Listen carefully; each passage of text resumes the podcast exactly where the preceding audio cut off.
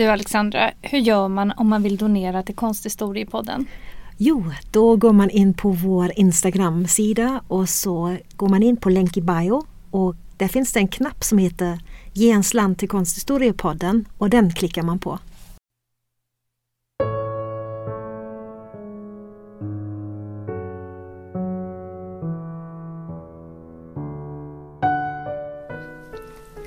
Hej och välkomna till På resande fot med Konsthistoriepodden. Jag heter Alexandra Frid. Och jag heter Alexandra Härlitz. Och som ni vet så har ju vi varit på resa i USA. Nu har vi varit hemma i en månad ungefär. Men eh, vi har fortfarande lite intervjuer och sånt som vi arbetar oss igenom. Precis, och eh, den sista stationen på vår resa var Boston. Och där var vi på flera av de här stora fantastiska konstmuseer. Bland annat då Museum of Fine Arts. The Museum of Fine Arts i Boston var ju verkligen ett helt otroligt museum. Kanske det bästa som vi har besökt i USA. Ja, det tänker jag med. För det var så många konstverk där som man ofta åberopar i, i föreläsningar och uh, sen var det också för, för min egen del så var det flera konstverk som jag har med i min doktorsavhandling som jag inte hade sett i verkligheten tidigare faktiskt. Ja, nej, det var helt otroligt. Uh, ett helt otroligt museum. Um, sen var vi också på The Harvard Museum of Art. Ja. Vilket också var ett fantastiskt museum. Men det är inte därför som vi har det här samtalet idag utan vi ska ju faktiskt prata om eh, vårt besök på The Isabella Stewart Gardner Museum. Precis, och det är ju så att när man är konstvetare så får man ju en eh, vad ska man säga, man har ju vissa förväntningar när man ska besöka ett museum. Framförallt ett museum som är så omskriven och omtalat som The Isabella Stewart Gardner Museum ibland så infrias de här förväntningarna inte riktigt. Vi hade ju sett um, både förstås fotografier av museet och vi hade sett hur museet ser ut i dokumentärer. Och framförallt läst om Isabella Stewart Gardner, hennes eh, roll som mecenat i USA och Europa. Och hennes samling. Ja. Mm. Och när vi kom dit, ja hur var intrycket då? det, det var ju lite, det var för det första var det väldigt välbesökt. Det var så mycket folk som på inget annat museum tror jag. Ja men det håller jag nog med om att det, var, det var ganska trångt. Ja. ja. Mycket folk som rörde sig där och det var generellt ganska svårt att navigera där för det finns ju inga etiketter på väggarna som säga någonting om de utställda konstverken. Det finns, det finns däremot... ingen informationstext heller om hur man Nej. ska röra sig i samlingen. Nej. Och när man kommer in så är det ju som ett sammelsurium av olika eh, objekt som är ihopknökade på olika saker. Det är både högt och lågt. och, och i, i, varje sal, och vissa av dem är ju väldigt små, Eh, men där finns det i alla fall en QR-kod som man kan scanna och så får man eh, information på en webbsida. Men på denna webbsida så får man inga bilder av de det konstverken. Det är som en lista. det är som en lista, numrerad lista. Ja. Och, och så står det ofta Eh, information som att det är ett oidentifierat verk eller av en oidentifierad konstnär.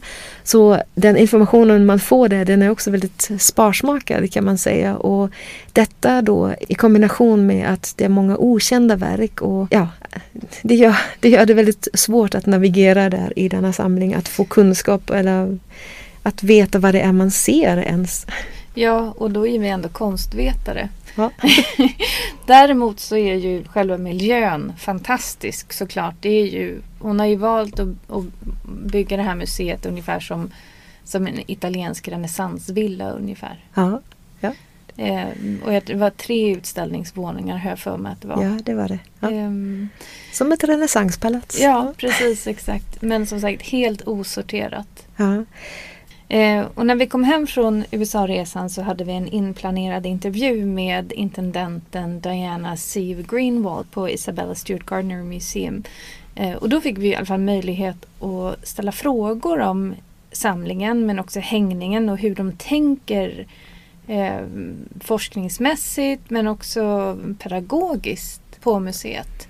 Jag tycker vi ska lyssna på henne nu. So again, thank you so much for having this interview with us.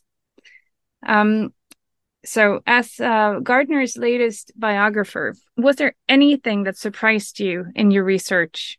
Um, yeah, I mean, I think there was a lot that's surprising. I think the most important kind of insight for me, well, one of the most important insights for me was that she is so specific in limiting what archival record is kind of left behind her, right? Like what became clear, and when you read the earlier biographies, is that there's a lot of myth that swirls around her, and that's on purpose. It's not something that's an accident. She's kind of courting it. She's specifically withholding information about why she does what she does. She's not very specific about any kind of clear political views. She doesn't say why the museum looks the way it does. She actually, in some cases, there's fairly limited photography of her, um, especially as she gets more famous, which is really fascinating.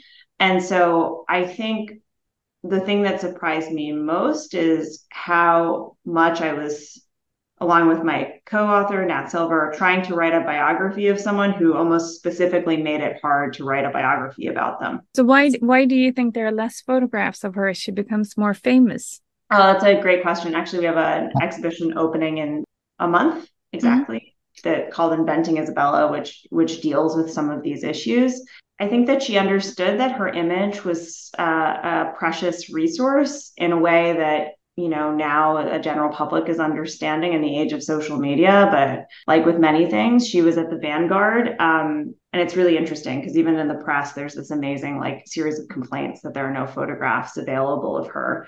Um, so i think she knew it was a precious resource. I think she knew it could really communicate things to the broader public. And so rather than, you know, let herself be captured in, in candid photographs or even use photography primarily, I think she actually preferred working with artists. So most notably John Singer Sargent in 1888, and of course Anders Zorn um, in 1894. Although there are other kind of Zorn collaborations earlier, including a series of prints.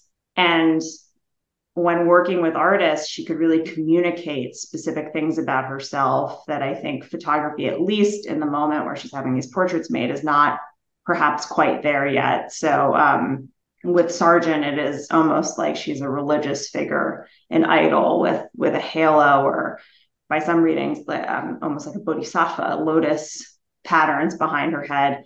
And with Zorn, he really captures that kind of vivaciousness that she was so famous for. Also, she looks very youthful for someone who is 54 years old at the time. You already said that she liked to establish her own myth.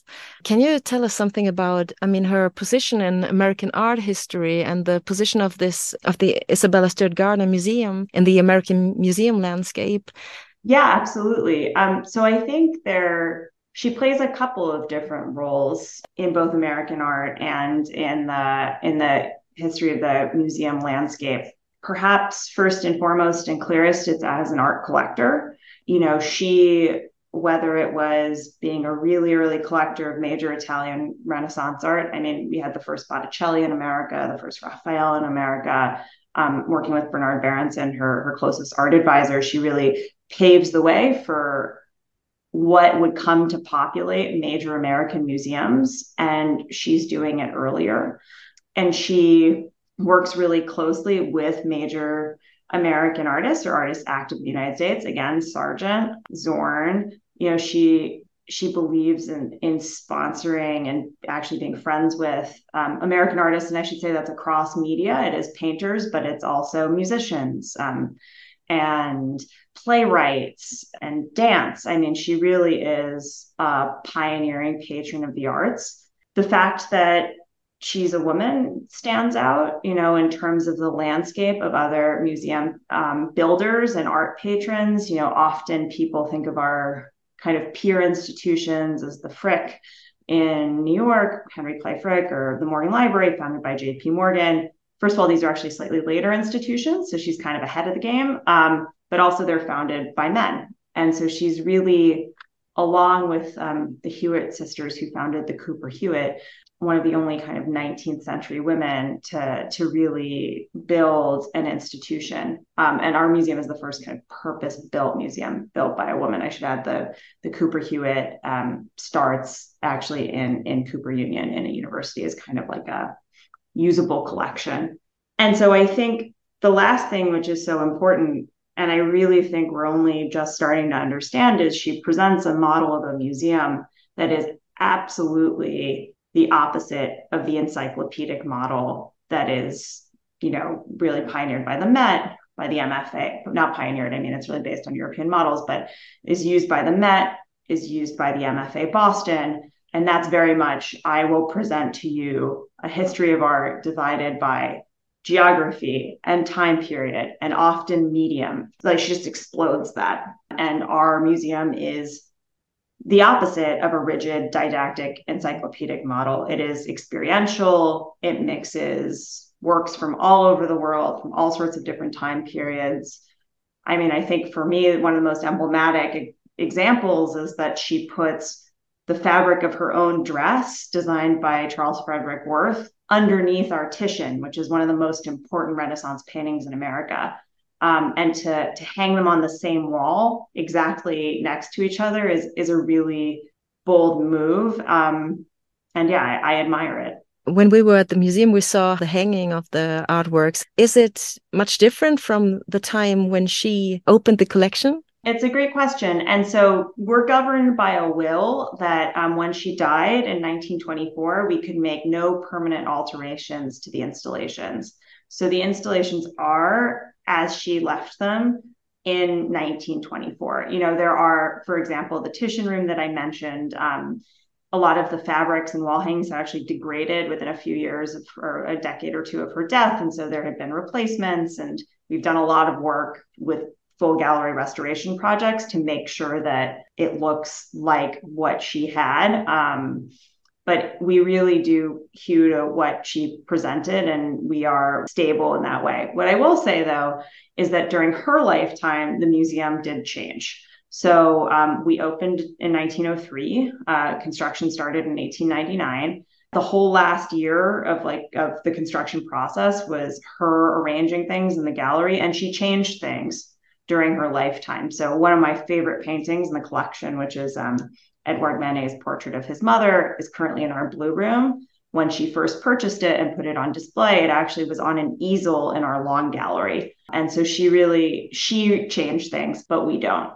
You already mentioned that she um, paved the way and established, in a way, the art historical canon for the American art museums. Do you know anything about the criteria of her art collection? It sounded as if we don't know how she started to collect art or how she chose works of art that she wanted to buy and have in her collection. Do we know anything about her collection? And do we know, I mean, she collected both uh, historical art from the Renaissance, but also contemporary art.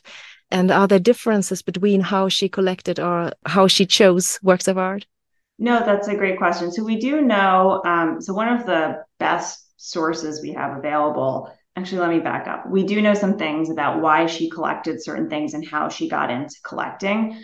A kind of very brief summary is uh, she she lived through quite a bit of personal tragedy early in life. She and her husband struggled to have children. They had one child who sadly passed away before he was two, and it was made clear to her, you know, in her late twenties that you know they, she wasn't going to do the job of many 19th century women which was to have a to have a biological family right to have mm-hmm. kids.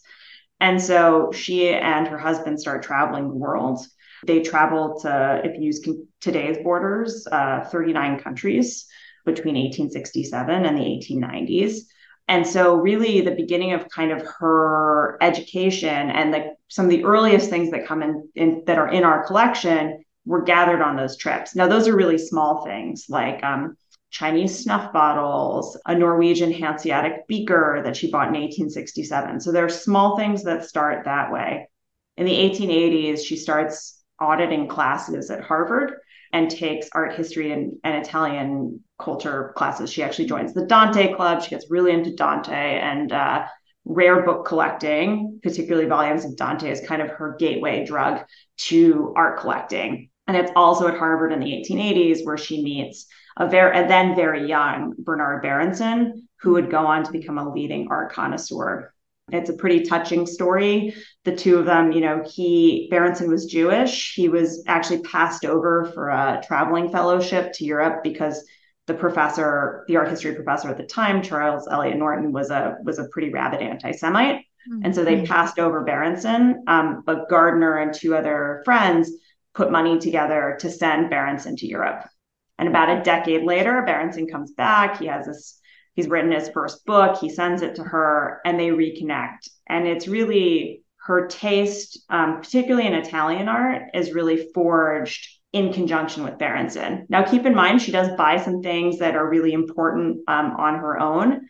Uh, in the 1890s, early 1890s, she bought the concert by Johannes Vermeer and she was in Paris in the auction room giving instructions. Mm. But often, a lot of the collection was recommendations from Berenson or other advisors, a photograph, a description, and a letter. And it's through it's through that dis it's actually across a distance that she decides what to buy or not that's a lot of the historic collection. The contemporary collection works a little bit differently. Um, she became friends with sargent after he painted her portrait. She was an early client of his and she would go on to just kind of keep purchasing things by him. Uh, other friends of hers like anders zorn um, there's that wonderful story about how the two of them met uh, at the World's Fair in Chicago, and she says we're going to be like great friends. Or great enemies. Um, and so I think the the contemporary art collecting is a little bit more based on her friendships with artists. Mm-hmm. Um, while the historic collecting is often her taking the advice, but absolutely making her own decisions. I mean, she turns down any number of things that Berenson proposes in, in kind of in conversation with with experts um, which is also really new at the time that she basically had an art advisor and now every contemporary collector has an art advisor but she really had one of the best um, right at the beginning. And when we visited the museum or the collection we noticed that i mean she has some extraordinary pieces and then she has less extraordinary pieces. And it, it kind of got us wondering like why did she collect so broadly? Do you know? I think she liked what she liked. I also think we have something that I love about the Gardner and in my like other life as an academic, I actually work with statistics in art mm-hmm. history to study canon formation. And mm-hmm. what I love about the Gardner is it shows you something that you can also show with numbers, which is that people collect. I mean, first of all, the art that was made mm-hmm. versus mm-hmm. what's in museums now is like a tiny, tiny, tiny, tiny, tiny fraction of what was ever produced. And collectors, many collectors collected very broadly. Mm. It's just that the museums that they then gave art to were only interested in a handful of things. Yeah. So either they would only select a part of a donation, right? Or they would only take the oil paintings, or the rest of that collection is in a basement somewhere. Mm. So Gardner collected a lot of lace, right? Um, and I I really hope that this is correct. And but some curator from Baltimore Museum of Art can tell me if it's different. I believe the Cone sisters mm-hmm. were famous modernist collectors who gave their collection to the Baltimore Museum of Art. Also collected a ton of lace, mm. but we don't necessarily focus on that. I actually think while the how eclectic her collection is, how global it is, mm. is a standout. It's a little bit less of a standout than we really understand because now we only see highly curated parts of collections in museums that have an encyclopedic model and have been filtering those collections you know for decades. It was a bit difficult to navigate in the museum as there were no labels uh, on the artworks and when you opened like this qr codes i mean it wasn't easy to identify what information belongs to what work of art and many of them were like unidentified artists. Is this something you are researching on uh, at the isabella stewart gardner museum? Like what kind of works of art do we have? And Yeah, no, it's a great question. Um, so the first thing is the no labels is actually again an Isabella legacy thing, right? So yeah. for us to go and put tombstones on everything would represent a permanent change to her displays. We are undertaking a massive cataloging effort in an interesting way, the same way I described how other museum collections would only take like the star oil paintings, let's say, or sculptures um, you can probably you can see that historical bias a little bit in our cataloging because if you were to look at the Carlo Crivelli, very clearly identified, mm-hmm. there's lots of information. But if you were to look at one of my favorites, which is one really odd, which is a pine cone that she placed on top of a piece of driftwood yeah. in the courtyard, we don't know very much at all. And so now we are really focused on growing our information about all of those small things, all of those lesser known things. Our archives, we actually have these kind of cases in the in the galleries, which she put archives into, and so we consider that our collection as well. So we have um, north of twenty thousand objects from all sorts of areas, and we are, but we are definitely working on it. I'd say something that's a real focus at the moment is that Gardner was a pretty early collector of of non-Western art as well. Mm. Uh, historic Chinese art, of Japanese art. We have some actually as amazing Islamic art, and we now, as of last year, our assistant curator is a Chinese art expert, so we have that expertise on staff. And we have a program of bringing in visiting scholars and curators to help us look at um, look at the collection because I'm a 19th century Americanist by training, so I'm I'm useless when you need me to catalog a what's one of my favorites. There's a roof tile. It's actually next to a Zorn. There's a mm-hmm. Japanese roof tile with a with like a pigeon sculpture. I mean, we know that she collected her friends like Sargent and also Zorn and and um and Whistler, right? But mm-hmm. did she collect other American artists at the, like contemporary artists at the time? I'm thinking, I mean, there are, I mean, Georgia O'Keeffe was starting to sort of make it in the early 20th century. And um, so it's interesting. You know, she is like very much a 19th century person. So she does collect other American artists, right? So, um, you know, we have John Lafarge in the mm. collection, for mm. example. Um, we have Anna Hyatt Huntington, who's, uh, who's an American sculptor. Dodge McKnight, who's a friend of hers, who maybe not my favorite watercolors, but we have a lot of it. So there are other American artists in the collection. She, um, there's not a a lot of American modernism. The most kind of modern American art we have is actually a set of photographs by Edward Steichen. Um, she has an issue of camera work uh, that was given to her. Uh, but our most kind of radical pieces you could say are Matisse, which I which is which is French, but we have a Matisse painting and several drawings, and those were gifts. So I think on the whole, she doesn't seem to have had a, a huge like active interest in early 20th, you know, in, in sort of American modernism but there is some of it and she was open to it. And interestingly that matisse which was given to her by a friend and was placed on long-term loan and then she officially accepted i think in 22 but anyway certainly um, not too long before her death is one of the earliest matisses to enter an american museum collection. So you know even if she's not actively pursuing it, she's really in a milieu that's helping her, introducing her to all sorts of new art. You already mentioned the, the friendships between her and uh, Singer Sargent and Zorn. And I mean, this is something that sometimes in art history, at least in Europe, has been. I mean, the the amicable terms of the relationship have been mm, sometimes a bit um, exaggerated. Exaggerated.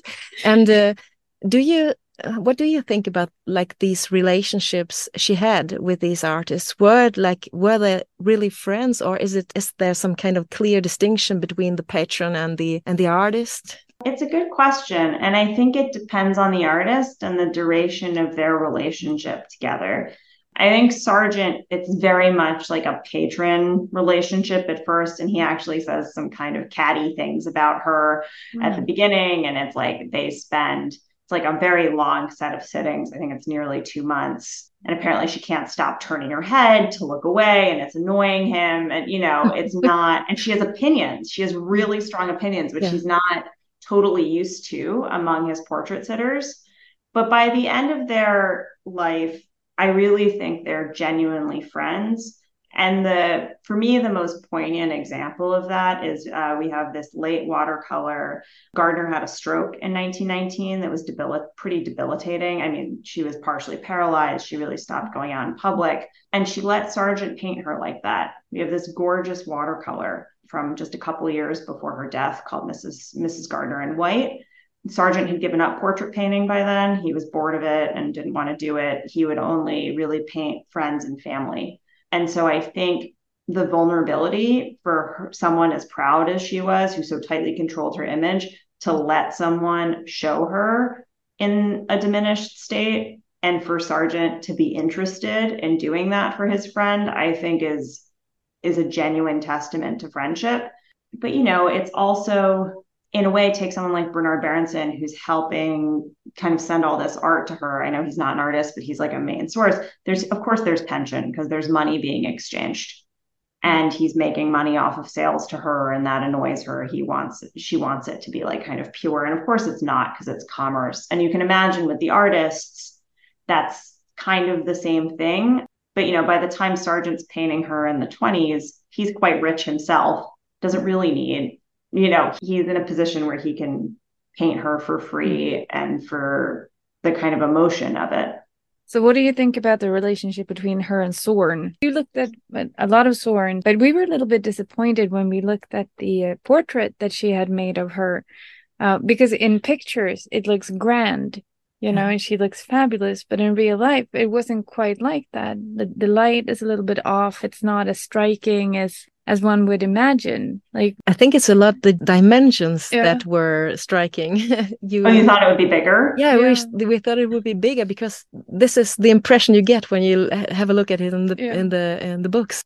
Well, I think it's funny because I think it it all depends about on your expectations before you come in. So I think if you were to ask an American, they'd be like, "Oh, that's a fabulous portrait," but they have no forgive me, but they often or they rarely know who Anders Zorn was. So they're just like blown away by it. Um, I think if you've seen it a lot, mm-hmm. um, but yeah, it's in a it's in a slightly surprising place. Mm-hmm. Um, lighting is always a challenge at the Gardner. The museum did have electricity when it opened, but for a variety of reasons, it was often lit by natural light and we're actually just starting to relight not just starting that's not true we're about like 70% through installing um, modern track in the museum so people can actually like see the art because we don't leave the shades open when on public hours which is what what gardner did. The short gallery is kind of an odd space. It is a little small and tight. It's a bit of a homage to the family. It's the only portrait of Jack is kind of by Mancini is kind of up and to the left of her.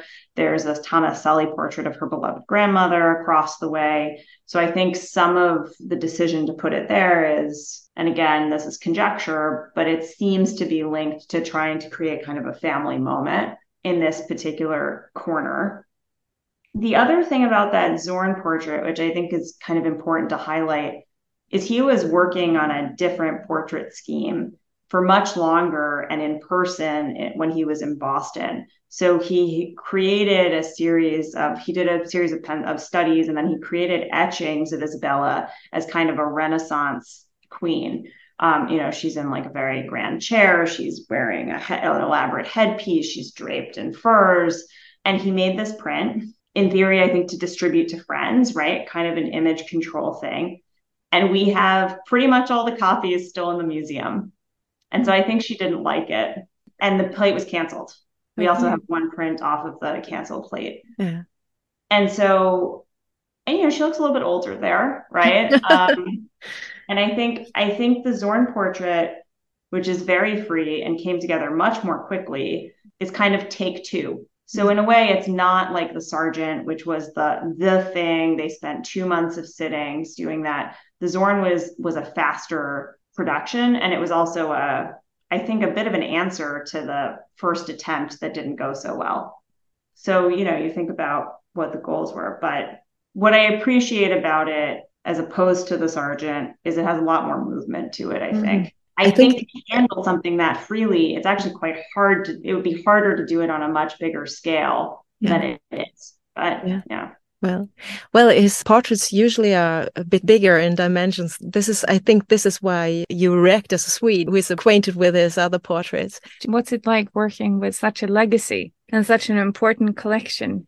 It's a privilege, you know. I think I often joke that I'm the curator of the collection, but really Isabella is my chief curator. And the other thing that's really interesting is we have a modern wing. We do special exhibitions. You know, we do loan our collection. We do three loans a year. Um, and then sometimes we'll move parts of our permanent collection into the modern wing and build a show around them.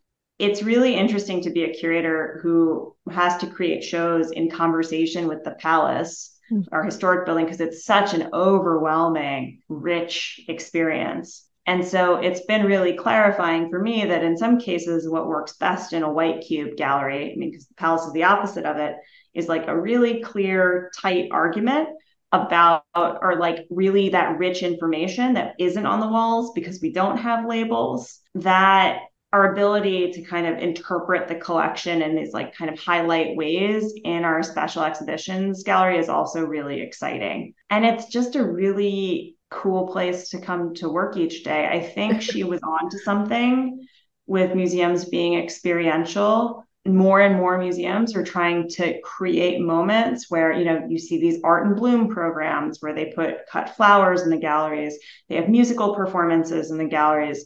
This is all stuff she was doing in 1903 and i think it's it's paying off. Our our attendance is um, I mean, our, our new building was built for I think about 250,000 people a year, and now we're we're north of 400,000.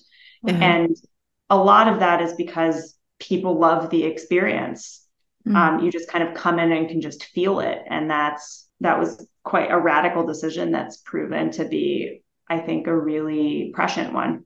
Thank you so much. It was so nice meeting you, and thank nice you so much you. for taking yeah, the time. Ja, det var ju väldigt intressant att få höra henne berätta om hur det är att vara curator på ett sånt museum som The Isabella Stewart Gardner Museum. För man har ju inte riktigt så fria händer som man trodde utan mycket finns ju styrd av den här testamentariska önskan av Isabella Stewart Gardner att ingenting får förändras i de här samlingarna. Just det, det måste vara jättesvårt att förhålla sig till. Mm. Som, eh, som en modern curator.